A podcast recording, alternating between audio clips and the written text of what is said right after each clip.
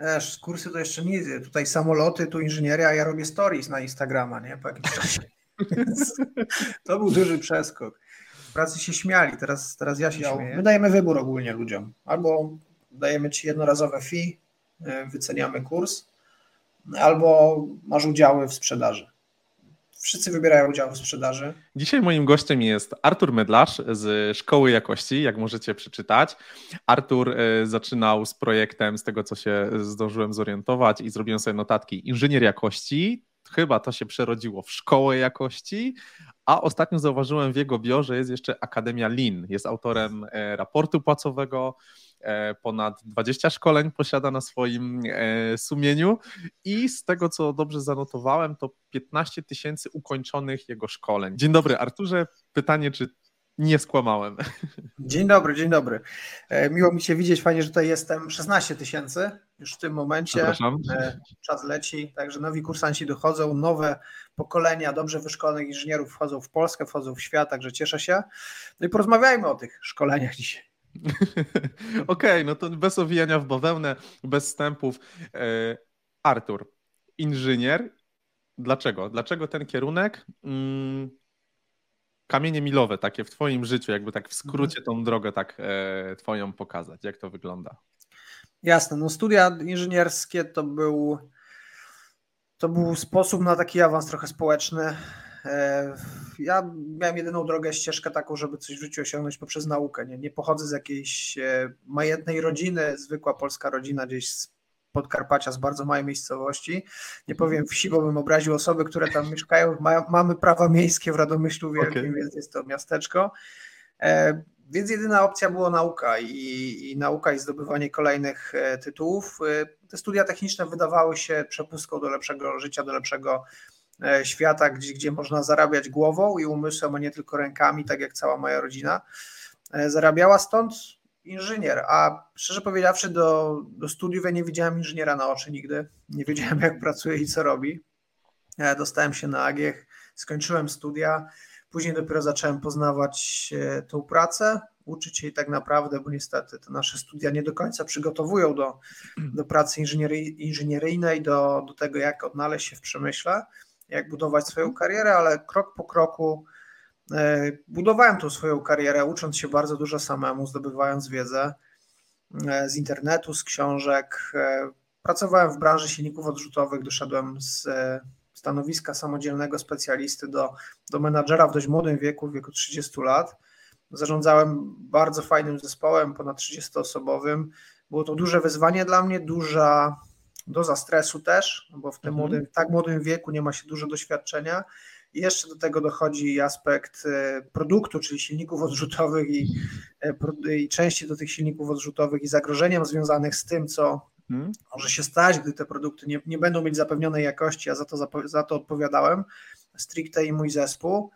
E, I w wieku 32 lat to było dla mnie za mało ciągle, więc okay, postanowiłem... ale finansowo? Finansowo hmm. za mało to było, czy jakby kwestii rozwoju takiego mm, Kwestii rozwoju bardziej. Okay. Kwestii rozwoju. Ja bardzo lubię się rozwijać, lubię się uczyć nowych rzeczy. Mam to też wykazane w teście Galupa, że po prostu no, muszę coś takiego robić. Jeżeli pracujesz w korporacji, to gdy wejdziesz na jakiś poziom, wejdziesz na jakiś e, e, na jakieś stanowisko, no to mhm. stoisz w miejscu po pewnym czasie, zdobywasz tą wiedzę. Doszedłem do takiego trochę szklanego sufitu, a, a chciałem się dalej rozwijać, więc zacząłem projekt online, projekt internetowy, tak jak wspomniałeś, inżynierjakości.pl. Na początku był to blog, blog, który przerodził się w szkolenia i szkolenia, które się przerodziły w firmę szkoleniową w tym momencie, z czego jestem, e, mówiąc wprost, dumny, bo podaje duże możliwości dużej gronie osób, które chcą się szkolić w praktycznych rzeczy, ale też daje duże możliwości osobom, które chcą szkolić innych. E, w tym momencie u nas już jest 12 trenerów, e, ta grupa się powiększa. No ogólnie też zatrudniamy kolejne osoby, więc fajnie jest zbudować coś z niczego i dojść do, do, do tego e, poziomu. Tak pokrótce, tak wyglądała ta droga do dzisiaj, do 2000 23 w takim telegraficznym skrócie. Jeżeli chcesz coś mhm. rozwinąć, to pytać, to śmiało. Okej, okay, Artur, a y, przybliż może jeszcze, na czym polega, tak w dwóch, trzech zdaniach, praca inżyniera jakości, bo o ile inżyniera, to jesteśmy w stanie sobie wyobrazić, przynajmniej ja takie miałem y, taką wiedzę, że inżynier, ok, coś tam konstruuje i tak dalej, a inżynier jakości, jakby jest to związane z, z jakością danych wyrobów, danych jakby mechanicznych rozwiązań, jak to wygląda? No już Ci mówię, zadaniem inżyniera jakości jest sprawić to, aby klient zawsze otrzymał dobry produkt. Aby klient finalnie zawsze otrzymał idealny produkt, taki jak chce, taki jak powinien być zaprojektowany i skonstruowany i wykonany z tą funkcjonalnością, którą on oczekuje. Inżynier jakości też jest odpowiedzialny za to, żeby doskonalić procesy produkcyjne, bo im lepsze procesy produkcyjne są, tym jest większa powtarzalność produkcji. Jeżeli produkujesz seryjnie e, tysiąc sztuk, dwa tysiące sztuk, tak jak w automotive, czy w lotnictwie, czy w RTV, nie ma fizycznej możliwości, żeby te procesy się nie rozregulowały. Choćbyś nie wiadomo, co robił, e, to dojdzie do zmęczenia maszyn, dojdzie do zmęczenia personelu, do różnych e, zmian personalnych w składzie, do wejścia nowych technologii do wejścia nowych projektów, e, które sprawią, wprowadzą zaburzenie do procesu. Mhm. Zadaniem inżyniera jakości jest to, żeby ten chaos ogarniać, żeby to zaburzenie e, minimalizować poprzez stosowanie prewencyjnych metod zarządzania jakości lub reaktywnych. E, nie będę wchodził w szczegóły.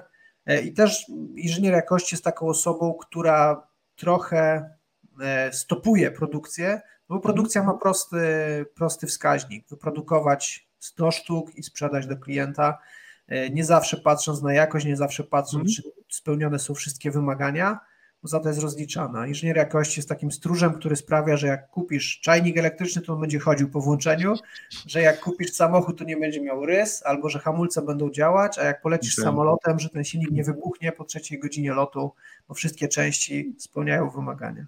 Chciałem dopytać y, o ten aspekt właśnie y, Twojej odpowiedzialności i rozwoju, bo mówi, że no fajna branża, no bo lotnictwo, odrzutowce i tak dalej, zarządzanie zespołem 30-osobowym, tak? 30? Mhm. Y, tak, około 30 osób.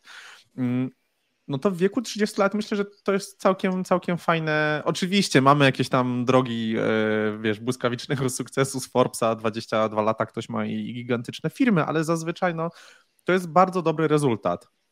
I yy, ty zawsze miałeś taki drive, taki wiesz, motor, że chciałeś coś więcej, rozwijać się i tak dalej?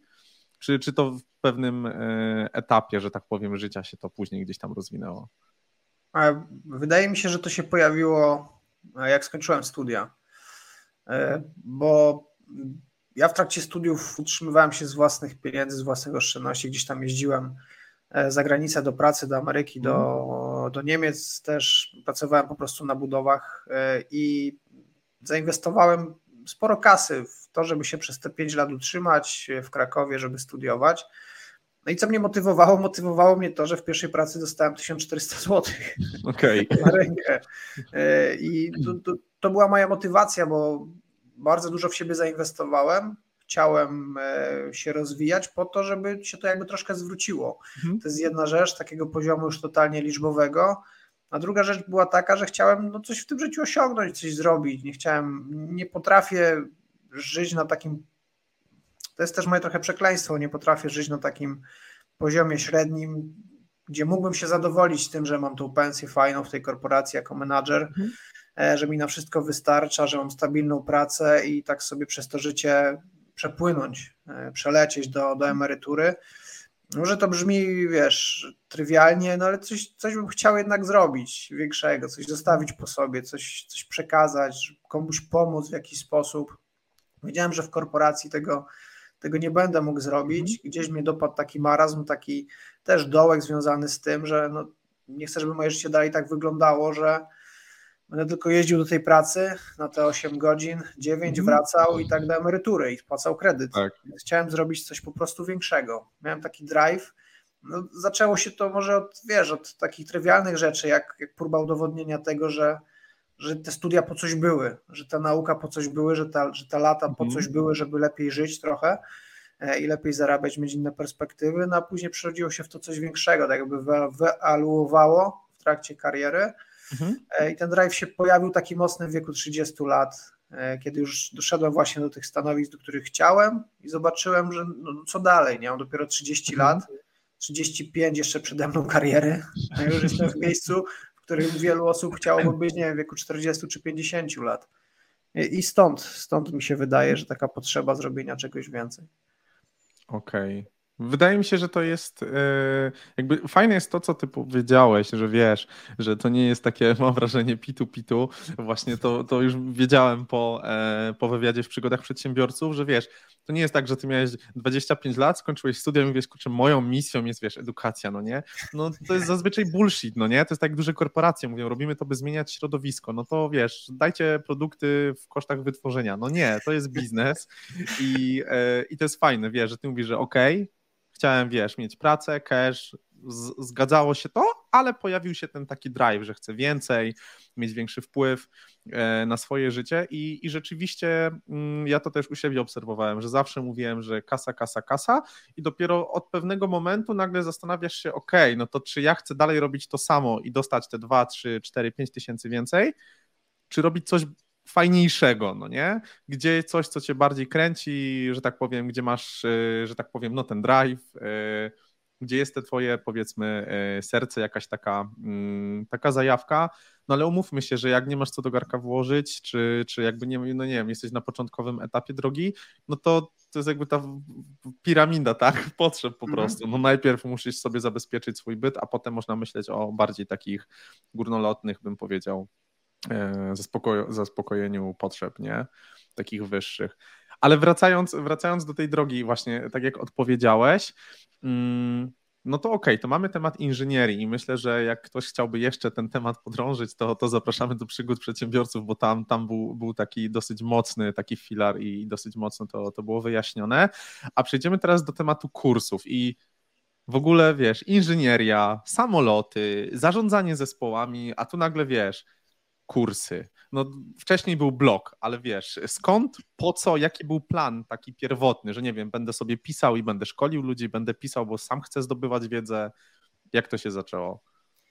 Wiesz, kursy to jeszcze nic. Tutaj samoloty, tu inżynieria, ja robię stories na Instagrama, nie? Po jakimś czasie. to był duży przeskok. W pracy się śmiali, teraz, teraz ja się śmieję.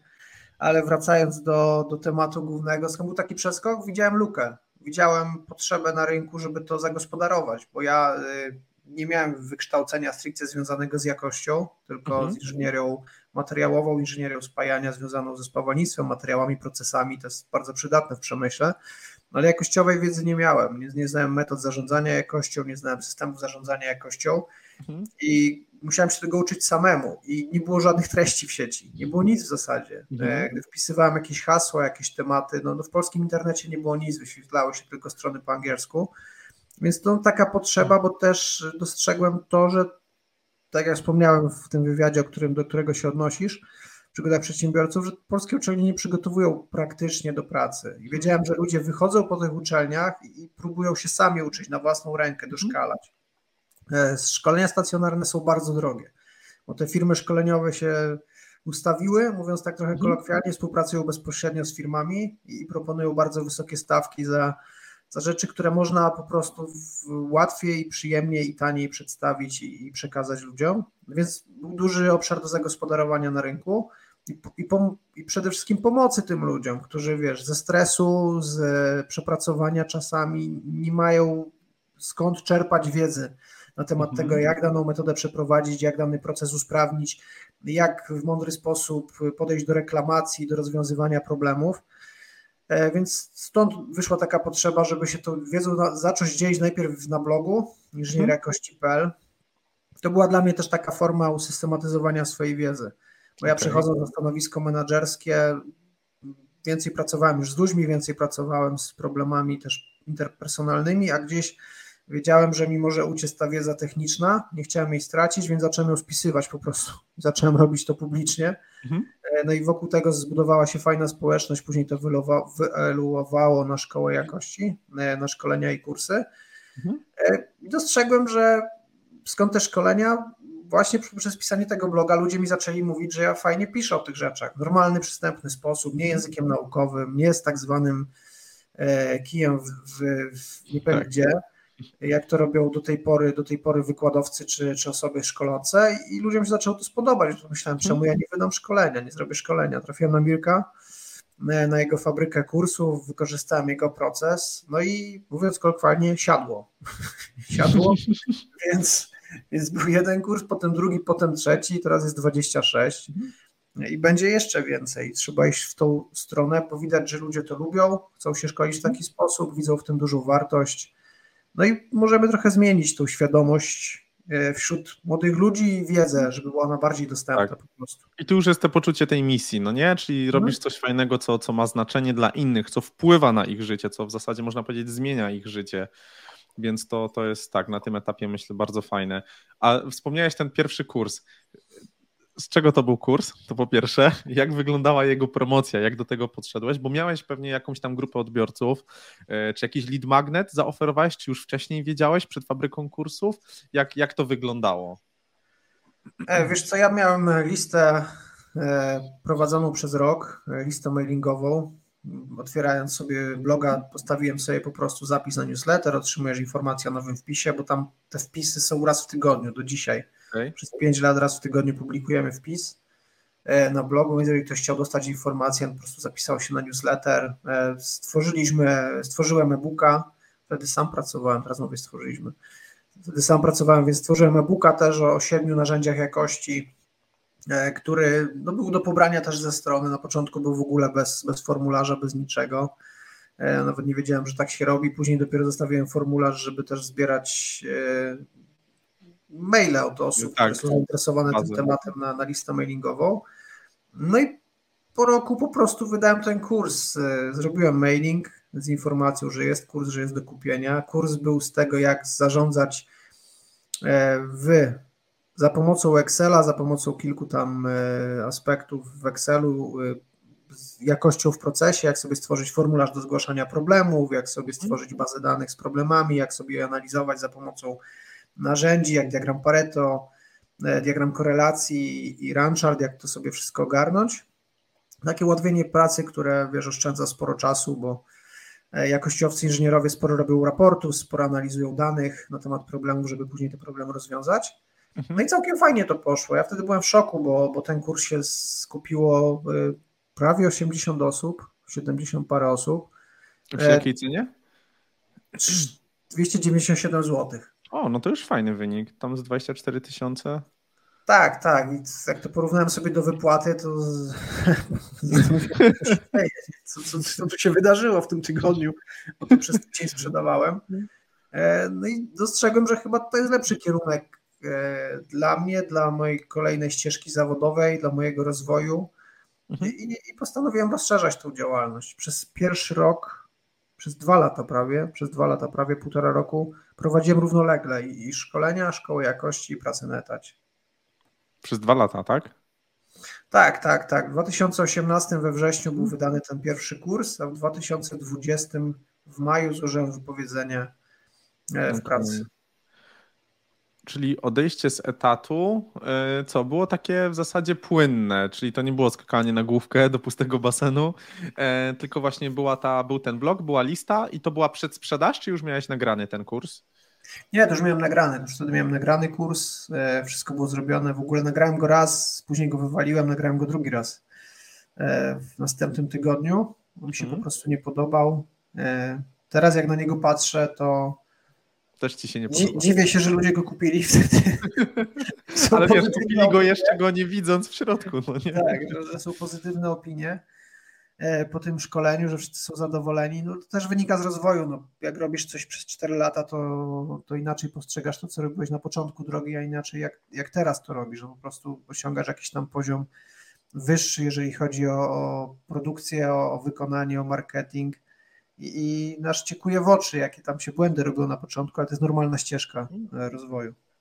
Tak, tak, dokładnie. To trzeba wypuścić tą minimalną taką wersję, zobaczyć, czy w ogóle rynek tego chce.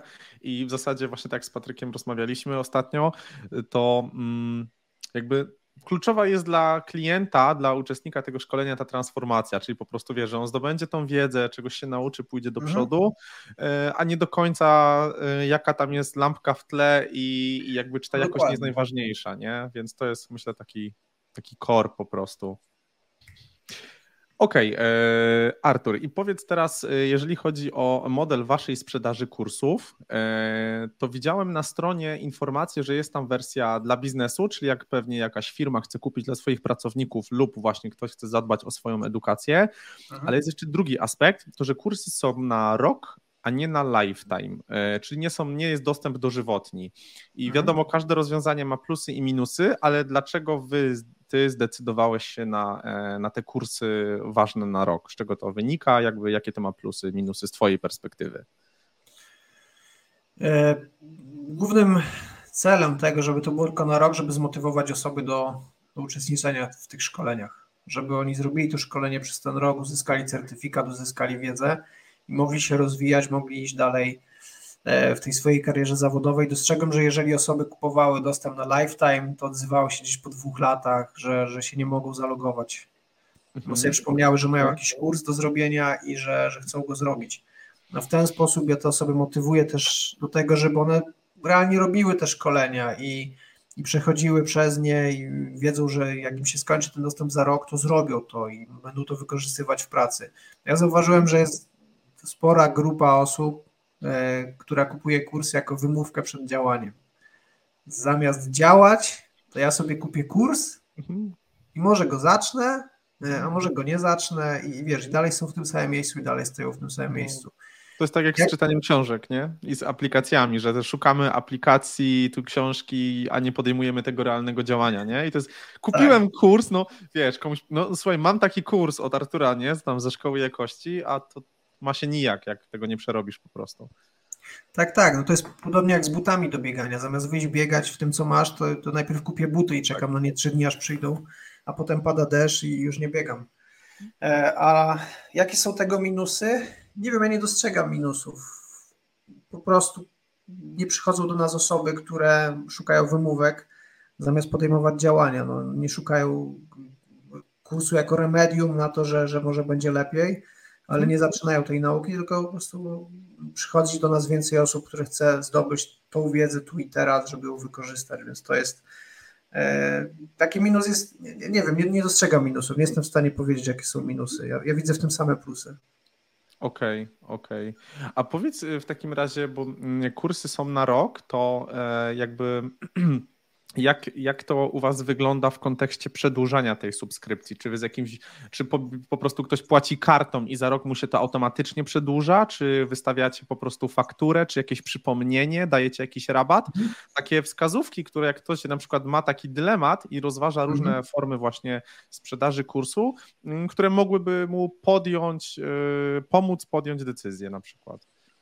Jasne, pewnie. Wiesz co, u nas jest przypomnienie tydzień przed że się kończy dostęp i, i później w dniu zakończenia dostępu i można na preferencyjnych warunkach sobie przedłużyć dostęp na kolejny rok tam za połowę, połowę ceny kursu, za którą się kupiło. Okay. Teraz to jest, albo nawet mniej, tam 30% chyba jest obecnie, teraz to jest 247 zł. Można przedłużyć sobie dostęp, dostęp do okay. na kolejny rok. Mhm.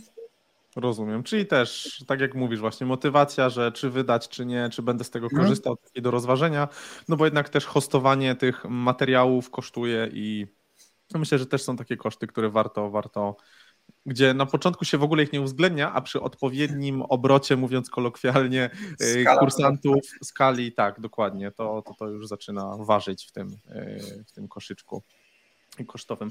A powiedz mi, y, sprzedajecie wszystko sprzedażą e, okienkową, stałą, mieszaną? Jak to, jak to u Was wygląda? Jakie masz doświadczenia z tymi modelami? Ja lubię bardzo testować. E, wyniosłem to z pracy zawodowej, z takiego mindsetu, żeby testować, próbować, sprawdzać, co działa, co nie. Stosujemy różne metody e, sprzedaży. Okienka zautomatyzowaliśmy prawie całkowicie, e, więc mamy 50 okienek w ciągu roku. Co tydzień jest jakieś okienko. E, większość z nich zaczyna się webinarem. To jest jedyna rzecz, którą nie możemy zautomatyzować. Po prostu zapraszamy gościa, autora kursu na taką pogadankę albo na taki mini kurs, mini szkolenie, gdzie opowiadamy o danym temacie, oferujemy e, daną sprzedaż. E, mailing jest zautomatyzowany, tworzenie reklam jest zautomatyzowane, posty są zautomatyzowane, całe fakturowanie jest zautomatyzowane, onboarding dla, dla kursantów też, więc w zasadzie w tym nie ma pracy. Tworzenie grafik też reklamowych też jest zautomatyzowane, więc to jest fajne, no ale poza tym też robimy różne promocje takie okolicznościowe, e, na przykład raz na dwa miesiące, raz w miesiącu staramy się zrobić taką promocję 50% z okazji na przykład, nie wiem, Dnia, wio dnia Wiosny. Mhm. Albo z okazji, ostatnio było z okazji Dnia Matki była promocja. E, albo zrobiliśmy takie pakiety e, szkoleniowe, wiosenne pakiety szkoleniowe, bardzo fajnie. E, ta akcja się udała, sprzedażowa. I staramy się mieszać takie, takie promocje. Czasami puszczam też reklamy po prostu na jakiś kurs, dajemy tam 15% zniżki i jest, jest bez żadnych webinarów, bez żadnych okienek, bez mailingu, po prostu reklamy sobie latają po, po internecie, też ludzie kupują te szkolenia. E, co jeszcze robimy? No i też są dostępne w ciągłej sprzedaży, tylko w dużo wyższej cenie. E, Okej, okay, właśnie chciałem o to zapytać. Dwa razy wyższe niż w okienkach e, są dostępne, no ale to i tak, jeżeli porównamy do ceny rynkowej kursów z tej tematyki, gdzie szkolenie z audytowania kosztuje 3000 stacjonarnie, u nas w normalnej cenie to jest 1497 i tak przychodzą firmy i tak przychodzą ludzie, kupują nawet w normalnych, normalnych cenach. Także jest dużo mieszania, jest stały proces ten okienkowy, który jest zautomatyzowany. Są promocje takie pakietowe, 50% co jakiś czas, jest stała sprzedaż. No testujemy, robimy, robimy sporo mhm. prób. Okej, okay. i jakbyś mógł powiedzieć teraz właśnie, yy, Albo zapytam po prostu, dlaczego y, łączenie tych modeli, w sensie na przykład dlaczego sprzedaż okienkowa i dlaczego sobie dokładacie pracy robiąc promocje na Dzień Matki, y, Dzień Dziecka i tak dalej, skoro jak ktoś chce, jest zdeterminowany, to, to mamy zwykłe po prostu adsy na, na produkt za 1,497, tak jak wspomniałeś, mhm. a alternatywę mamy okienko, poczekaj, y, będzie, będzie za jakiś czas. Mm, to po co sobie to komplikować, tak przewrotnie zapytam. Bo to działa. Z tego okay, są, czyli boost sprzedaży po prostu. Tak, okay. tak, no bo, no bo, z tego jest, no bo to działa po prostu, to działa i to przynosi przychód. No, skupiamy się na tym, żeby powtarzać to, co działa e, w mhm. naszych procesach i jeżeli coś działa, to to robimy. A tutaj nie, nie mówiłbym, że to jest jakaś komplikacja, że to jest dodawanie pracy, jeżeli sobie układasz procesy odpowiednio, w, tej swojej firmie szkoleniowej, poukładasz sobie do tego automatyzację, usuniesz marnotrawstwa, można naprawdę robić niedużym wysiłkiem fajne rzeczy, że i, i później e, dawać ludziom to, to, czego chcą. I też drugi aspekt jest taki, że jeżeli masz już 26 kursów, to musisz, musisz to mądrze rozplanować i no szkoda mi czasami powiedzieć jednemu trenerowi, że nie zrobimy mu sprzedaży okienkowej, nie? że nie zrobimy mu okienka sprzedażowego choćby raz w roku bo, bo, bo nie. A przy tych 26 kursach, no to możesz maksymalnie zrobić dwa razy w roku każdy. Tak. No, bo z 56. Jest wyzwanie. Więc to ci tak. wychodzi cały rok, co, co, co tydzień okienko. Okej, okay. i dużo mówisz o tej automatyzacji działań, o wykorzystaniu AI. Wiem, e, tutaj rozmawialiśmy, że tak powiem, za kulisami w marketingu. Jakbyś mógł tutaj e, na, na razie, może tak z lotu ptaka po prostu, e, co automatyzujesz u siebie i jak AI wykorzystujesz? Poza takimi oczywistościami typu właśnie faktury na maila, no to myślę, że w mhm. miarę jakby większość osób, która nawet zaczyna tą swoją drogę ze sprzedażą kursów, to jest w stanie ogarnąć, a takie bardziej właśnie zaawansowane tematy, jakieś onboardingi na przykład, czy jakieś narzędzia tutaj w tym temacie polecasz? Jasne, jasne, już Ci mówię. E, no ja stosuję Make, stary Integromat do, do tworzenia scenariuszy, stosuję Airtable jako bazę danych, bazę repozytorium, e, stosuję Plus, Plusit do, do tworzenia grafik, do tworzenia grafik reklamowych, do tworzenia grafik na e, media społecznościowe. Sporo jeszcze dodatkowych narzędzi, no wszystkie automatyzacje w MailerLite, które są do mailingów, automatyzacje maili transakcyjnych przez SendGrida, zarządzanie dokumentacją e, przez Notion, zarządzanie plikami też, e, czy sprzedaż przez EasyCard, które też fajnie automatyzuje niektóre okay. aspekty. E, ja tutaj będę bardzo nieoryginalny, bo nie kopiujcie rozwiązań, które, którzy mają inni. To jest najgorsza rzecz, którą można zrobić. Ktoś coś zautomatyzował, to ja też to zautomatyzuję. Nie. Ja mam podejście też wywodzące się z etatu, z mojego mindsetu, czyli management, czyli odchudzone zarządzanie, które poprzez oprocesowanie sobie wszystkiego, co robisz, najpierw trzeba spisać sobie procesy, później trzeba znaleźć wąskie gardła, które są w tych procesach, znaleźć marnotrawstwa, które są. A czym jest marnotrawstwo? Marnotrawstwo jest wszystkim tym, co nie daje wartości klientowi. Klient oczekuje od nas wartości, klient oczekuje od nas, że rozwiążemy jego jakiś problem, że dostarczymy mu produkt, który zmieni jego, jego życie, zmieni jego karierę. On nie chce wiedzieć, ile ja czasu spędzam na robieniu grafiki reklamowej. On nie chce wiedzieć, ile czasu ja spędzam na tworzeniu tekstu na reklamę. On nie chce wiedzieć, on nie chce za to płacić. On, on nie chce płacić za to, że ja E, wiesz, szukam pliku jakiegoś dwie godziny.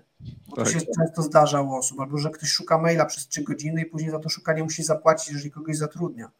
Więc wszystkie te rzeczy, jeżeli sobie oprocesujecie najpierw e, to, co robicie, będziecie dostrzegać, gdzie marnujecie swój czas, na jakich rzeczach marnujecie swój czas i co można zautomatyzować, bo przez to, że posiadacie teraz takie możliwości jak no-code, jak, jak właśnie automatyzacja, możecie bardzo dużo rzeczy takich bezsensownych zautomatyzować. Ja wystawiałem certyfikaty na początku ręcznie. E, wystawiałem je ręcznie, rozpisywałem je sobie w kanwie dla każdej osoby. Gdy zrobiła się duża skala, no to zajmowało mi to godzinę, czasami półtorej godziny codziennie, bo jak już jest ponad kilkanaście kursów, za każdym razem ktoś je kończy, więc trzeba to tak. wszystko wystawić ręcznie. Teraz robi mi to automat raz dziennie, nie robię nic przy tym nic, zero, nie zajmuje się tym w ogóle. Osoba kończy kurs, uzupełnia formularz, to wszystko trafia do Airtable, z Airtable to jest pobierane do Placida, Placid tworzy PDF-a z nazwiskiem, z imieniem, wysyła maila w moim imieniu, przy okazji tworzy taki voucher podarunkowy 40% z imieniem i nazwiskiem danego kursanta w formie grafiki, wysyła go na maila. E, no i z tego też jest e, ciekawy upsell od czasu do czasu. Więc trzeba dostrzegać po prostu w procesach to, co można zautomatyzować, to, co jest bez sensu robotom, co można zlecić mhm. robotom właśnie tak. i, i, i, na tym się skupić. Warto zapoznać się z tym tematem, czym jest MUDA, e, czyli 7 marnotrawstw, sprawdzić u siebie, czy nie ma się takich marnotrawstw, mhm. te, rzeczy, te rzeczy automatyzować. Myślę, że to są e, jakby, że Twoje mm, korzenie, że tak powiem, e, zawodowe, czyli właśnie e, ta chęć optymalizacji pracy, to tutaj bardzo zaprocentowała i pozwoliła wyskalować ten biznes do, do takiego poziomu, bardzo dziękuję za, za ten wsad już w imieniu na pewno słuchaczy i, i, tych, którzy i widzów tych osób, które oglądają, bo to jest taki bardzo fajny, myślę, początek, od, od czego warto zacząć. Mm, I ta pierwsza wskazówka, no nie? Czyli właśnie nie kopiujmy e, tak bezmyślnie, bo jakby każdy korzysta w ogóle z innego takiego staku softu, który, który ma mhm. i nie wszystkie integracje wtedy da się, da się tak e, skopiować. A powiedz jeszcze może, e, jakbyś mógł powiedzieć, jak u Ciebie to wyglądało, jeżeli chodzi o spisywanie procedur, bo ja znam taką e, technikę, że po prostu trochę chyba, zresztą też e, to, to pewnie kojarzysz, czyli robimy dane rzeczy, spisujemy, co robimy, a potem pod to robimy procedury, jak to wygląda, bo to jest głównie tam pod kątem zatrudniania osób.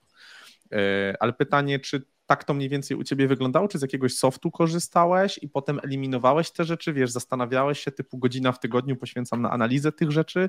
Jak, jak, jak, jak no do tego podejść operacyjnie? Mhm, to jest fajne pytanie. No, ja ogólnie korzystałem z Flow Diagram, czyli z e, metody, to się nazywa diagram procesu w inżynierii jakości. To jest jedno z narzędzi inżynierii jakości e, do spisywania procesów. Wygląda trochę jak algorytm, troszkę, troszkę jest inne. No korzystałem okay. z tego, co było dostępne. Miro na początku, teraz Whimsical sporo procesów sobie spisuje. Hmm. I okej, okay, gdy pracujesz sam, to te procesy masz gdzieś w głowie, więc wiesz, jak to wygląda, ale warto i tak je przenieść na kartkę, pozaznaczać sobie, co, co by można było zautomatyzować, co można byłoby e, wyrzucić. I teraz już Ci mówię, jak wyglądał mnie ten proces. E, ja raz w tygodniu mam taki blok dwugodzinny przeznaczony na usprawnienia i wtedy uspra usprawniam sobie procesy, ale zapytasz, no to co, siadasz i myślisz, co tu mam do usprawnienia, co tu mogę zrobić? Nie. E, ja przez cały czas, gdy pracuję, gdy tylko pojawi się jakieś odchylenie od normy, w moich procesach zapisuję sobie, że wystąpił jakiś błąd albo że, co, że wpadłem na jakiś pomysł, co można usprawnić. To jest, robię to w bardzo prosty sposób, korzystam z Maca, e, ze skrótów, e, mam to też zautomatyzowane, szybkie okienko, żeby też tego w głowie nie przechowywać. Mhm. Wyskakuje mi okienko, wpisuję, co trzeba poprawić, e, wrzucam to sobie do Asany. Asana mi przechowuje te dane i wtedy otwieram sobie tą Asanę tego jednego dnia na te dwie godziny i patrzę, co tu można zrobić, co tu można usprawnić. I to jest, na tym polega właśnie też usprawnienie automatyzowanie. To jest proces, który się nie kończy, który jest ciągły, który trzeba cały czas prowadzić. To jest w myśl i duchu Kaizen, małych kroków, małych usprawnień każdego dnia, po to, żeby nam się łatwiej pracowało. Nie podchodźcie do automatyzacji z mojej perspektywy oczywiście. Ja Wam to radzę, że robicie jakiś jeden wielki projekt przez dwa tygodnie, automatyzujecie sobie wszystko, co mhm. robicie, bo tak duża zmiana sposobu pracy, e, nauczenia się wykorzystania tych automatyzacji, tych nowych narzędzi sprawi tak duży dyskomfort, że wy będziecie pracować wolniej na początku. Bo będzie za duża też zmiana dla was. E, jeżeli macie większy zespół, to dla zespołu, że ludzie zaczną na to narzekać, zaczną mówić, że teraz to dłużej trwa niż wcześniej, mimo tego, żeśmy tak. to zautomatyzowali. E, więc róbcie to małymi krokami, krok po kroku. Też wyrobicie w sobie taki nawyk, że praca to nie jest tylko sprzedaż, że praca to nie jest tylko temat operacyjny, odpisywanie na maila, poprawianie błędów, E, i, i dorobienie, do, dorabianie produktów, ale też częścią pracy jest doskonalenie. Wpisanie sobie takiego mindsetu, wpisanie sobie takiego podejścia, że, że moja praca to też jest doskonalenie, muszę to robić każdego mhm. dnia, e, sprawia, że po prostu będziecie mieć lepsze organizacje, lepsze firmy, lepsze procesy i zamiast, nie wiem, szukać, tak jak mówiłem wcześniej, pliku przez trzy godziny pewnego razu, bo gdzieś tam zginął albo maila, nie będziecie na to tracić czasu, bo raz zauważyliście, że macie z tym problem, wprowadziliście jakieś rozwiązanie, które wam to usprawnia i mhm. to znika. A ciągłe takie grzebanie się w pracy codziennej i praca po 18 godzin, bo mam tak dużo pracy, nie prowadzi, nie prowadzi tak naprawdę do niczego. Czasami lepiej stanąć mądrze, popatrzeć na to, co się dzieje, zastanowić się, co można poprawić i przeznaczyć jeden dzień, dwie godziny, godzinę, trzy na to, żeby to po prostu usprawniać. Bez tego będzie ciężko, będzie cały czas e, taka orka i taka przerabianie tych tematów, tych problemów, a to jest denerwujące też i demotywujące. Kiedy po raz setny pojawia się ten sam problem, e, my zamiast go rozwiązać po prostu przyklejamy plaster, poprawiamy go tak e, na chwilę i czekamy aż się znowu pojawi. Okej. Okay. No myślę, że to jest y, podobna ścieżka, tak jak po prostu z budowaniem y, każdego biznesu, nawet stacjonarnego, tak jak jest zresztą w mit przedsiębiorczości, tak, Gerbera, gdzie jest poruszana właśnie, że pracujesz w biznesie, nie nad biznesem i tak samo jest tutaj, pomimo tego, że sporo twórców kursów to są soloprenerzy, osoby, które same to ogarniają, no to wydaje mi się, że jakby tym bardziej powinni bardziej mieć taką uwagę, fokus na tym, żeby po prostu robić rzeczy, które są istotne, którą, tak jak wspomniałeś, dają wartość temu klientowi, a nie takie rzeczy, które, które w ogóle nie wnoszą wartości, albo co gorsza, y, że w ogóle do niczego nie są przydatne. Ja mam takie doświadczenie, że często firmy na przykład y, zbierają tak, y, mówiąc dane, gdzieś tam archiwizują jakieś dokumenty, chcę to mieć, chcę to mieć, chcę to mieć i nagle się zastanawiasz po jakimś czasie, no dobra, ale po co to jest, nie? Wiesz, jakby, wiesz, nie wiem, wielkość sprzedaży to będziemy potrzebowali do podjęcia decyzji na przykład, nie? Co się sprzedaje, co nie, gdzie warto iść. A nagle ktoś archiwizuje, wiesz, jest jakaś procedura, coś robimy i no bo tak, no nie? I, i to, jest, to jest dokładnie, więc, więc myślę, mm, że, że tutaj jakby to w 100% się, się z tym podejściem zgadzam i też y, jak wspomniałeś właśnie o tych, y, o tych procedurach, o zespole i tak dalej, że to, to nie jest takie, mm, że na początku to boli, to jest tak jak y, z chyba każdą mm, nowością, że jakby jak się zmienia nasze środowisko, że po mhm. prostu zmienia się, wiesz, styl pracy właśnie, tak jak mówisz, jakiś skrót klawiaturowy i tak dalej, tylko że potem jak to wejdzie w nawyk, to to bardzo, bardzo przyspiesza ten rozwój. Ale chciałem zapytać, bo ponad 20 kursów, tak? 26 wspomniałeś. Mm, ile obecnie liczy, liczy jakby taki zespół korowy, czy jak ten marketing masz tak zautomatyzowany i wykorzystujesz AI, to może nie masz marketingowca? Jak to, jak to u ciebie wygląda, jak te siły są rozłożone? E, nie mam marketingowca. Te, teraz zatrudniam, e, teraz jestem w trakcie rekrutacji, dotrudniam dwie osoby kolejne, mhm. ale w tym momencie zatrudnione są trzy osoby tylko że to jest zatrudnienie godzinowe. Te trzy osoby wyrabiają jakieś 80 godzin maksymalnie e, miesięcznie i przy tych dwóch dodatkowych osobach chcę, chcę zamknąć się w jednym pełnym etacie. No dlatego bardziej respektuję ten model e, godzinowy, rozliczeń godzinowych i pracy na godzinach, e, bo nie potrzebuję na jeden pełen etat kogoś z danego tematu na ten moment. Może to się zmieni w przyszłości, nie wiem. Okay. Ale też widzę dużą wartość w zatrudnianiu osób, w zatrudnianiu ludzi. Nie jestem zwolennikiem takiej, chociaż to też to jest droga skuteczna. Choćby Michał Kowalczyk to świetnie pokazuje, że, że można być cały czas samemu, wszystko automatyzować i wykręcać kosmiczne wyniki. ale ja lubię współpracować z ludźmi, lubię ich pomysły, lubię ich wartość, którą wnoszą, e, ale na tym, na tym, na tym momencie to jest trzy osoby, e, takie zatrudnione godzinowo, będzie, będzie w sumie pięć, no i są też trenerzy, z trenerami współpracujemy stricte produktowo, przygotowują szkolenie, przygotowują dany temat, są dostępni na webinarze, są dostępni w grupie zamkniętej, żeby pomagać kursantom, jest to rozliczane na procent udziałów. Mhm, Okej. Okay czuję, że są moim zespołem, ale nie są zatrudnieni na umowę, na, umowę na stałe ze mną, e, okay. więc, więc trudno mi powiedzieć, czy to jest część zespołu, czy nie. E, no i tak to wygląda. Okej, okay. a jakie specjalizacje tych trzech osób e, plus dwie, które szukasz? Ja mam jedną osobę, która tworzy mi ogólnie takie dość specyficzne grafiki, których nie mogę zautomatyzować, których się po prostu okay. nie da jeszcze na tym etapie zrobić. E, świetna, wybitna dziewczyna, która ma bardzo duży talent. Możesz sobie przyglądnąć e, na Instagramie Szkoły Jakości, jak to wygląda. Naprawdę robi świetne, świetne karuzele, świetne, świetne grafiki, które się po prostu klikają. Okay. E, mam jedną osobę, która mi pomaga przy materiałach szkoleniowych, ma wykształcenie inżynierskie, pracuje na produkcji też przy, przy inżynierii jakości, więc jakąś prezentację dla mnie zrobi, którą później poprawię, tu napiszę jakiś e, artykuł, tu napiszę, przygotowuję mi jakiś research z danego tematu, żebyśmy to mogli później przedstawić. E, I teraz zatrudniam dwie osoby na stanowisko Education Support Engineer, tak to nazwaliśmy, bo mamy już bardzo dużo kursantów, mamy bardzo dużą społeczność. Chciałbym, żebyśmy mieli na stałe tak, taką osobę, która wspiera te osoby w rozwoju, wspiera w edukacji, odpowiada na pierwsze pytania, które wpadną i też dostarcza takiego kontentu, bardzo stricte inżynieryjnego, e, mhm. bardzo takiego związanego bezpośrednio z, z jakością, z produkcją, e, która będzie mogła to fajnie przedstawić i w formie tekstu, i w formie wideo, więc na to też zwróciliśmy uwagę przy rekrutacji. E, no i tak to wygląda. Ja staram się samemu ogarniać wszystkie tematy związane z platformą, z automatyzacjami. Lubię to robić, to jest też po części moja pasja. Mam do wsparcia E, kolega, który ma swoją tak jakby agencję, e, Jakub Dębiński, dotyczącą automatyzacji, webflow, tworzenia stron i po prostu on mnie wspiera też tak e, od tematu do tematu, gdy coś się pojawia, po prostu do niego uderzam i mówię, że, że mi to zrobić w tym miesiącu. Więc tak to, tak to na ten moment wygląda. Okay. Czy Jakub współpracuje, bo tak kojarzę nazwisko z Adamem chyba, gospodarczykiem?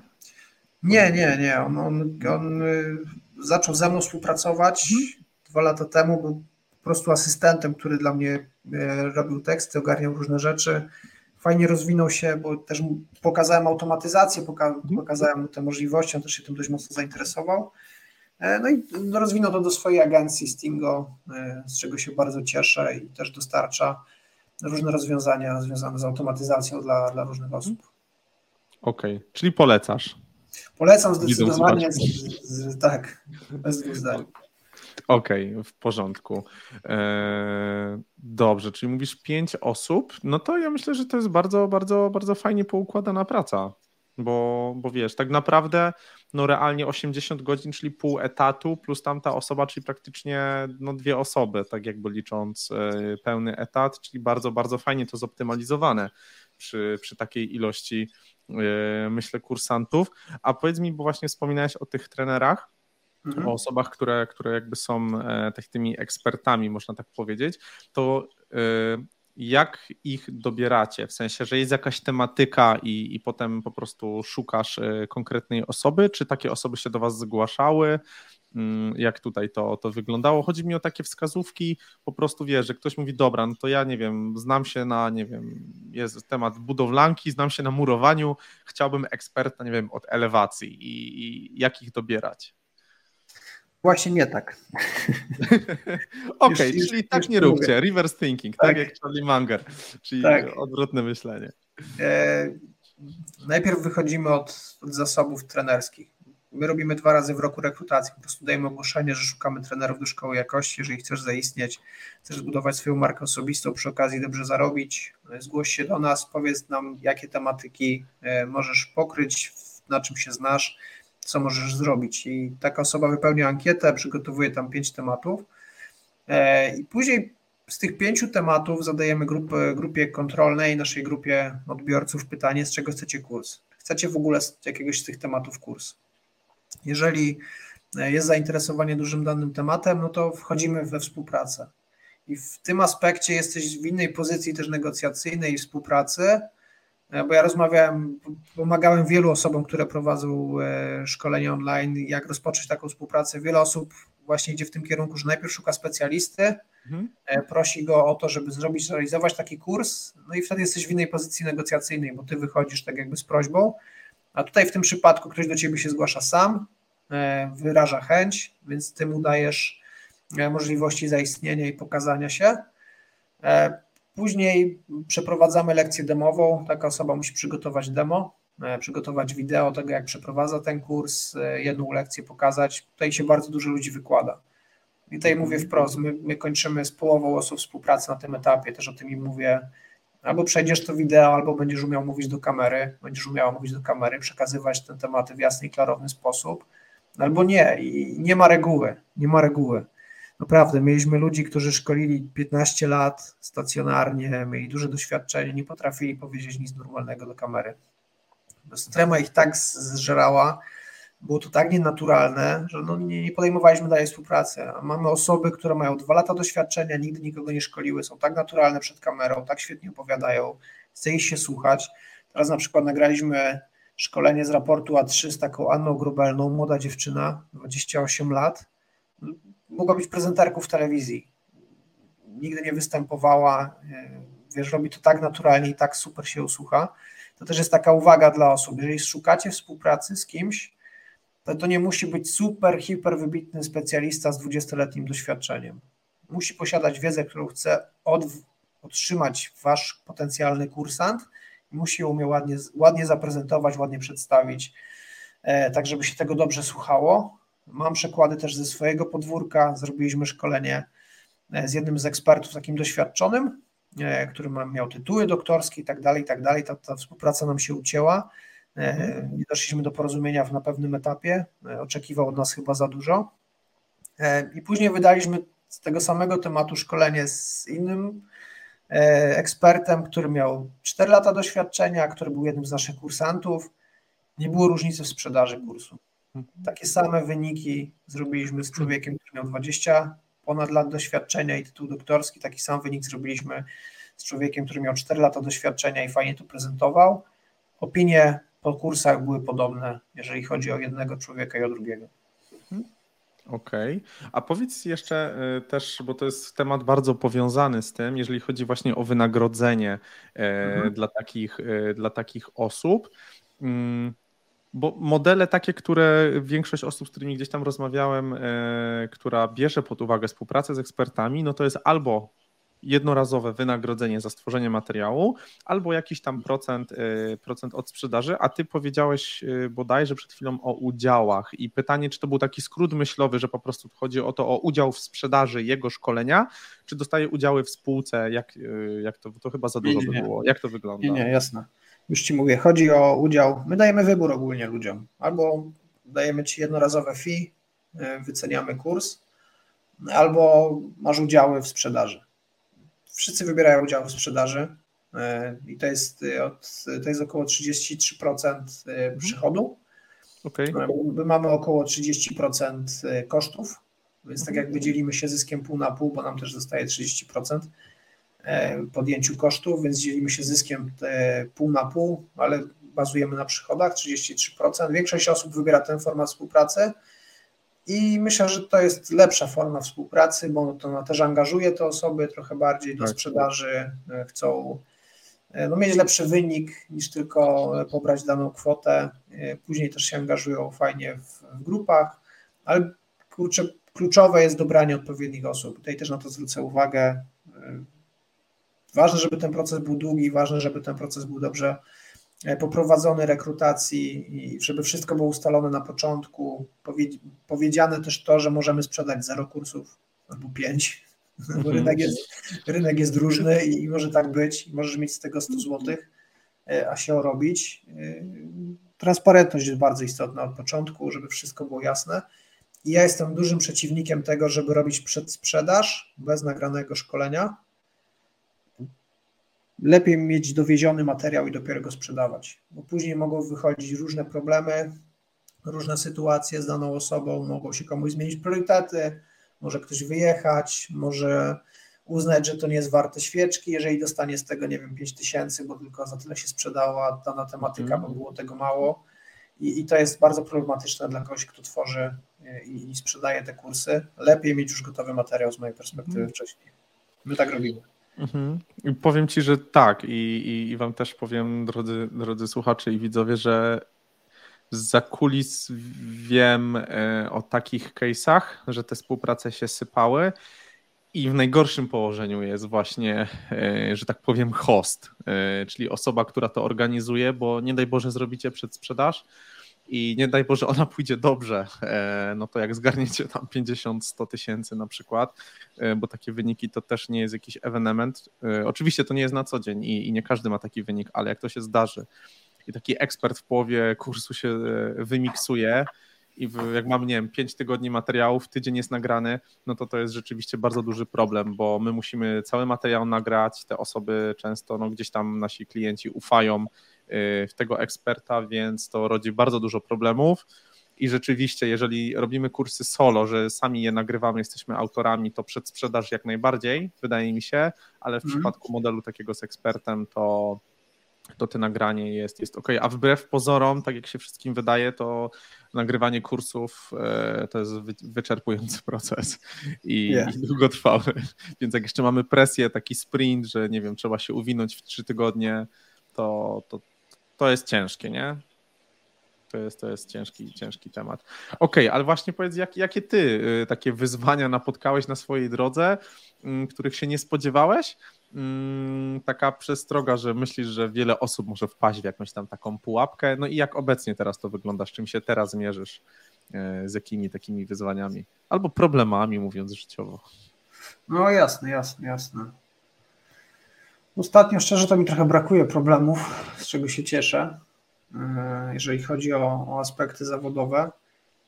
E, jeżeli chodzi o wcześniejsze tematy, no to przede wszystkim to źle dobrane te współprace, słaba transparentność na początku. Z twojej e, strony słaba transparentność, że za mało, tak? Mhm. Tak, za, za, mało, wiesz, informacji dawałem, ale to też był proces uczenia się, proces, no ja tak. wrzucam na proces uczenia się tego, jak to dobrze robić w przyszłości. Też byłem w innej sytuacji negocjacyjnej i Dużo mnie to stresu kosztowało, dlatego też powtarzam o tym, żeby tych trenerów dobrze, dobrze dobierać i dobrze ich wybadać. E, trudno mi znaleźć jakieś problemy, mówiąc Ci wprost. E, na pewno w, tej, w tym biznesie problemem jest to, przynajmniej dla mnie, bo ja zawsze chciałbym wiesz, lecieć na wysokim poziomie, że, że przychodzi lipiec, e, końcówka czerwca, czerwiec, lipiec i ludzie się mniej szkolą po prostu. Nie, nie, nie, nie, nie korzystają ze szkoleń, myślą o wakacjach, myślą o, urlopach. Firmy też wtedy nie kupują szkoleń, bo po prostu nie ma ludzi odpowiedzialnych za to, żeby fakturę podbić albo zamówienie wystawić, bo są na wakacjach. E, I to jest jakiś tam problem mentalny, że ta sprzedaż tam spada o te 30 czy 40% w tym okresie, no a później jest pik i później wraca do tego. Moim wyzwaniem było to, że się często przepracowywałem, bo ja lubię ten biznes po prostu, lubię to E, robić. Kręci mnie to i nakręca coraz bardziej, że jak widzę, jak te procesy kolejne są automatyzowane, jak, e, jak dostarczamy coraz więcej możliwości ludziom i, i szkoleń, i, i, robimy fajny marketing, który się ludziom podoba, i, i czasami dochodziłem do takiego poziomu, że pracowałem za dużo, nie potrafiłem mhm. odpoczywać i, i gdzieś tam jakieś wypalenie e, łapało. Ale teraz też się tego uczę i też właśnie tworzę zespół żeby delegować te tematy. E, problemem jest u mnie też poczucie winy, bo czasami zdarzają się tygodnie, że robię bardzo mało, przychód i tak jest. Mam jakieś tam wewnętrzne, wiesz, przeświadczenie, że, że to chyba mi się nie należy, tak mało pracuję, a jest, jest przychód i chyba coś, coś jest nie tak, że to się zaraz skończy, nie? Że będzie jakaś kara boska wpadnie i mi zrobi porządek, że, że wrócę w końcu do, do normalnej pracy. Ale to są bardziej takie aspekty tego biznesu. Jeżeli ktoś słucha tego, kto nie pracuje jeszcze w biznesie, a chciałby w przyszłości, to tutaj dużo trzeba pracować nad własnym mentalem, no mindsetem, nad podejściem, nad zaangażowaniem, bo za tego, ile zarobisz, zależy to, czy ty wstajesz lewą nogą, czy prawą, czy masz dobry humor, czy masz dobre e, spojrzenie na przyszłość dzisiaj, czy cię dopadł jakiś dołek naprawdę przekłada się diametralnie na zarządzanie zespołem, na, na, na zarządzanie sprzedażą, zarządzanie marketingiem i całym tym tematem. Ja myślę, że to jest kluczowe, żeby właśnie dbać y, o ten mental, mm, żeby znaleźć ten balans taki. Tylko, że ja jestem właśnie ostatnio y, czytałem taki fajny bardzo artykuł z tym balansem, że mm, duże korpo forsują work-life balance, czyli ten balans taki w skali mikro, czyli dziennej, czyli właśnie pracujemy 8 godzin, czy tam 7, potem, e, potem ma być czas dla rodziny, żeby żyło się komfortowo i żeby trzymać nas na takiej kolokwialnej smyczy. Mm. E, już wchodzimy oczywiście w te rejony takie coachingowe, ale jesteśmy dal, z, dala, z dala od tego. Ale jakby z czym ja się zgadzam, z tymi takimi bardziej bym powiedział sprintami przedsiębiorcy, czyli właśnie że najpierw zapieprzasz po prostu przez te dwa lata, e, a potem po dwóch latach masz ten czas, gdzie masz, łapiesz ten balans przysłowiowy. Mm. Bo niestety mm, w większości zaczynanie drogi innej, przedsiębiorczej, nawet w przypadku kursów, to jest często finansowanie się z pracy na etacie, z jakimiś bieżącymi klientami, rozwijanie czegoś po godzinach, blog, tak? Potem przedsprzedaż, ok, no to trzeba kolejne kursy robić, y, montaż, skalować to, odejście, znowu jest stres. I tak jak ty wspominasz, tak, cztery lata i teraz gdzieś tam dochodzisz do etapu, gdzie naprawdę ta praca twoja nie jest już tak wymagana, że to nie jest takie przełożenie na, nie ma, brak twojej aktywności zawodowej nie ma przełożenia w mikroskali tam dwóch, trzech tygodni na brak rezultatów yy, finansowych, tylko żeby też osoby oglądające nie, nie myślały, że, że tak to wygląda, bo tak jak sam wspominasz, no to jest po, po okresie tam 3-4 lat, tak, i masa tych fakapów była i z trenerami mhm. i pewnie z platformą, tak jak y, Bartosz Kita y, ostatnio napisał, że y, zawsze się coś wy... że nie ma po prostu takiej opcji, no nie, i no i takie jest po prostu życie, że to jest część tej drogi i, i trzeba być na to po prostu gotowym. Zgadzam, zgadzam się w 100%. Okej, okay, to jakie plany na ten rok? Na tą drugą połówkę tego roku? Też takie pytanie, które staram się zawsze zadać, jakby co. co... Wiesz co, ja czytam teraz taką książkę Scaling Up. Y, widziałem ją kiedyś i bardzo Świetna dobre rekomendacje, tak? E, chcę wyskalować tą firmę moją. Chcę przestać być obecny tak bardzo w mediach społecznościowych. Mhm. Chcę, nie chcę, chcę być tylko takim trochę frontmanem, jeżeli chodzi o, o, o promocję, o influence, o właśnie udzielanie e, wywiadów choćby i promowanie szkoły jakości, budowanie współpracy, jakiejś strategii. Ja chcę zaangażować więcej osób e, w pracę w, w szkole jakości, też nad tworzeniem treści, kontentu, wideo po to, żeby może kiedyś wyjść z tej firmy całkowicie, rozpocząć jakiś inny projekt. Y, bo tak jak Ci wspominałem w tym dzisiejszym wywiadzie, ja się po jakimś czasie szybko nudzę. Jak dochodzę do jakiegoś etapu, nie potrafię robić tych samych rzeczy w kółko, chociażby mi przynosiły nie wiem, 200 tysięcy miesięcznie przychodu. Ja nie, nie, nie potrafiłbym tak, wiesz, przeżyć przez kolejne 5 lat. E, lubię robić nowe rzeczy, lubię się uczyć, więc chcę wyskalować tą firmę, chcę zatrudniać kolejne osoby do współpracy, chcę może stworzyć dział sprzedaży profesjonalny, który zajmowałby się sprzedażą też do firm. E, zaczynam e, wynajmować też biuro, e, takie większe w Rzeszowie, gdzie, gdzie mam nadzieję będę, nie będę tam sam w przyszłości, więc ogólnie idę we wzrost po to, żeby mieć co robić tak naprawdę, bo żeby mieć jakieś zajęcie dla siebie i później może odcinać e, po jakimś czasie kupony z tego, ale też dać możliwość pracy innym, bo, bo normalnie inżynierowie nie mają możliwości na tym etapie pracy, na przykład jakiejś dodatkowej, zdalnej, to wszystko jest praca w fabrykach, a my im dajemy taką możliwość, że mogą na ten moment po godzinach gdzieś tam sobie pracować za fajną stawkę e, godzinową, przygotowywać materiały a może w przyszłości będą mogli pracować też stacjonarnie i rozwijać szkołę jakości do dużej skali. Marzy mi się to, żeby być taką kurserą w Polsce dla przemysłu, e, rozszerzyć do 50 szkoleń, nawet tą mhm. szkołę jakości, wziąć też pod uwagę procesy produkcyjne, żeby były opisane, żeby były fajnie przedstawione obróbki cieplnej, e, obróbki skrawaniem, spawania i tak dalej. Ale też chcę rozwijać umiejętności miękkie, bo tego brakuje inżynierom. Będziemy teraz wydawać taki fajny kurs mamy już trzy kursy nagrane do przodu, które musimy wydać. Okay. E, już są gotowe, więc to się będzie działo już na bank e, w przyszłych tygodniach. no i mam też ten drugi projekt, Akademia Lean, który rozwija się trochę wolniej, któremu jakby tak nie, nie bardzo mnie pociąga, tak jak szkoła jakości, ale też chcę go rozwinąć, bo tam też e, zatrudniłem fajną dziewczynę, która go prowadzi obecnie i chcemy go uzupełnić o brakujące elementy i też go wyskalować. Więc ogólnie scaling up na przyszłe miesiące, przyszłe lata i zobaczymy, jak to wyjdzie. Jestem pełen ekscytacji, jestem pełen yy, też obaw na pewno. Mhm. No zobaczymy. Jest jakaś nowa podróż się zaczyna, która jest potrzebna też na moim etapie teraz życia, żeby coś spróbować się, e, złapać tego byka za rogi i zobaczyć, czy mi się to uda, czy nie. Mhm. A wyjście za granicę? Czy nie? Czy na razie tutaj rozwój w Polsce? Bo mówisz 50 kursów, właśnie jakby taka kursera to jest no dosyć duży challenge, duże wyzwanie, fajne. Mhm. I a to myślisz o tym e, tylko o polskim rynku? Tak, myślę tylko o polskim rynku. Ja robiłem analizę taką wstępną wyjścia za granicę. E, to jest bardzo trudny temat. To się wydaje, że wystarczy przetłumaczyć kurs na angielski, go wydać i zrobić taki marketing jak w Polsce. Z mojej nie. perspektywy to nie jest takie proste, to nie jest takie łatwe. To już trzeba mieć poukładane procesy, trzeba mieć poukładane u siebie procedury, zbudować zespół, który zna i rozumie rynek, zbudować zespół, który przekona ludzi do tego, żeby w Niemczech, we Francji czy w Ameryce kupowali kursy u nas, a nie na przykład, nie wiem, choćby na Coursera, czy też ten rynek jest trochę, już jest przesycony z mojego punktu widzenia i jest bardziej profesjonalny.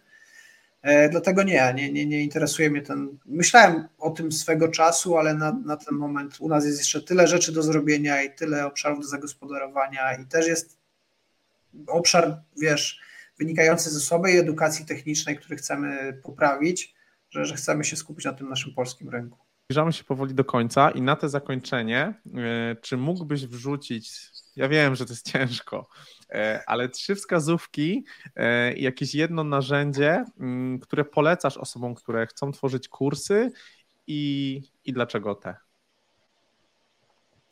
Trzy wskazówki, jedno narzędzie. Okej, okay, trzy wskazówki. Pierwszą wskazówką, jaką Wam mogę dać, to jest nie, nie kopiujcie rozwiązań innych. O tym mówię już dzisiaj. Nie kopiujcie czegoś, co działa u kogoś, u Was to niekoniecznie zadziała, macie inny kontekst sytuacji, jesteście może na innym etapie e, biznesu. Ja dostaję też często takie zapytania, bo ja jestem na takim etapie chciałbym być tam, gdzie Ty, co, powiedz mi, co ja muszę zrobić. Ja mówię, nie wiem, może u Ciebie trzeba inne rzeczy usprawniać, inne rzeczy robić, nie znam Twojego rynku nie, nie idźcie tą drogą. Druga rzecz jest taka, testujcie, testujcie ile się da. Jeżeli widzicie jakieś ciekawe rozwiązania u kogoś, e, to może nie kopiujcie jeden do jednego, nie wdrażajcie tego na dużą skalę, tylko stestujcie sobie na małym e, obszarze u siebie i zobaczcie, czy to u Was zadziała, czy nie. Jak zadziała, to idźcie w tą drogę. Jak nie zadziała, to nie, nie próbujcie na siłę kopiować kogoś. Wracam do poprzedniego, bo, bo to u kogoś zadziałało. Lepsze są testy, lepsze są próby wprowadzania różnych rozwiązań czy choćby współprac z różnymi osobami. No i trzecia rzecz, najważniejsza, to się nie bójcie. Tak mówiąc wprost, no, odwaga daje wam, da wam bardzo dużo, jeżeli będziecie próbować i starać się. E, trudne jest e, wyjście najpierw przed szereg i pokazywanie swojej twarzy, mówienie o szkoleniach. Trudne jest nagranie pierwszego kursu, trudne jest zrobienie pierwszej współpracy z kimś. Trudne jest zaproponowanie komuś takiej, a nie innej stawki, trudne jest negocjowanie udziału w szkoleniu, trudne jest, e, nie wiem, sprzedaż szkoleń do firmy za 50 tysięcy, nam się to udało zrobić. E, ale trzeba próbować, trzeba próbować być odważnym i wierzyć w to, że nam się udaje i myślcie o sobie z perspektywy kilku lat do przodu, bo też jest duży problem u osób, które zaczynają z kursami i one myślą, że jestem jakimś tam chłopakiem, który siedzi za biurkiem i robię YouTube'a i robię szkolenia. Nie, myślcie o sobie jako o firmie szkoleniowej, którą chcecie się stać, E, bo to jest tylko kwestia optyki i tego, jak wy się postrzegacie i tego, jak was postrzega rynek, czy odbiorcy, czy będziecie sobie myśleć, że jesteście takim jakimś e, gościem, który nagrywa do kamery szkolenia, czy będziecie myśleć o sobie, że jesteście firmą szkoleniową, która chce coś zmienić dużego i zrobić dużego, no tak was zacznie też postrzegać rynek. Jeżeli chodzi o narzędzia, to ja nie wyobrażam sobie na tym etapie prowadzenia biznesu online, że ktoś nie zna automatyzacji, nie zna Make'a, E, nie zna, nie zna narzędzia make.com i nie zna Airtable. To jest rzecz, która Wam zaoszczędzi, jeżeli dobrze poznacie, jeżeli dobrze zrozumiecie zależności, zaoszczędzi Wam 80-90% czasu e, na, na marnotrawstwach, które macie. E, jeżeli macie szkolenia online, macie biznes online, nie korzystacie jeszcze z tych rozwiązań, to bardzo, bardzo, bardzo dużo tracicie i mówiąc pro, zrobicie sobie sami krzywdę i swoim osiągnięciom. Arturze, bardzo Ci dziękuję za dzisiejszą e, rozmowę masa mięcha, e, sporo narzędzi, już wcześniej to w ogóle jak e, karabin maszynowy wystrzelałeś po prostu tutaj nazwami. Mam nadzieję, że tutaj YouTube nie, nie narzuci jakiejś blokady za te, za te frazy. Także bardzo jeszcze raz dziękuję za możliwość zajrzenia do, do kuchni, poznania arkan tutaj szkoły jakości. I co ja mógłbym rzec? No życzę, życzę powodzenia w skalowaniu. Będę na pewno się przyglądał, trzymał kciuki, bo no jest to myślę unikalna platforma, która jest świetnie zrobiona. Yy, poznaliśmy się bliżej, więc świetny człowiek za tym stoi, więc mam nadzieję, że, że ten sukces yy, no nie jest gwarantowany, bo nigdy nie jest, ale że jest w zasięgu i to jest kwestia, kwestia czasu. Super, dziękuję Ci bardzo serdecznie. Bardzo fajny wywiad, bardzo fajna rozmowa. Przyjemnością było dzisiaj wyrzucić z siebie wiele rzeczy. Mam nadzieję, że pomożemy, pomożemy wielu osobom, e, które są może na wcześniejszym etapie drogi. Także odwagi jeszcze raz i, i zmieniajmy ten świat edukacji w Polsce. Dokładnie tak. Arturze, to jeszcze e, słowem zakończenia, gdzie Cię można znaleźć, jak ktoś by Cię chciał e, gdzieś poszukać? To jest co? Szkoła jakości.pl? Tak, szkoła jakości.pl. E, możecie śledzić mojego Instagrama ArtMed to jest mój prywatny Instagram, przecież też się dzielę takimi kwestiami biznesowymi, jak prowadzę tą szkołę jakości, co się u mnie dzieje. Jeżeli jesteście inżynierami, jesteście zainteresowani samą szkołą jakości, to poszukajcie szkoły jakości na Instagramie, też mamy profil. Linki do profili umieście, mm, umieścimy w e, opisie poniższego materiału. A ja ze swojej strony bardzo Wam dziękuję za poświęcony czas i spędzony z nami. Jeżeli chcecie więcej takich porad dotyczących tworzenia, rozwijania, zarabiania na produktach cyfrowych, to z kolei zapraszam Was na stronę forprofits4profits.pl, gdzie co tydzień wysyłam wskazówkę dotyczącą właśnie zarabiania, rozwijania produktów cyfrowych.